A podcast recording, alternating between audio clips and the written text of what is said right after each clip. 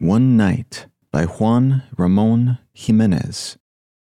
The ancient spiders with a flutter spread their misty marvels through the withered flowers. The windows by the moonlight pierced would shed their trembling garlands pale across the bowers.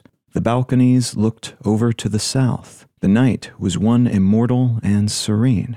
From fields afar, the newborn springtime's mouth wafted a breath of sweetness over the scene. How silent grief has hushed its spectral moan.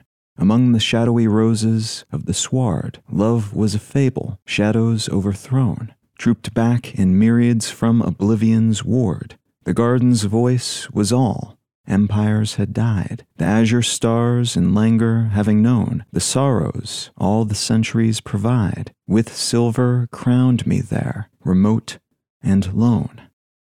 One Night by Juan Ramon Jimenez.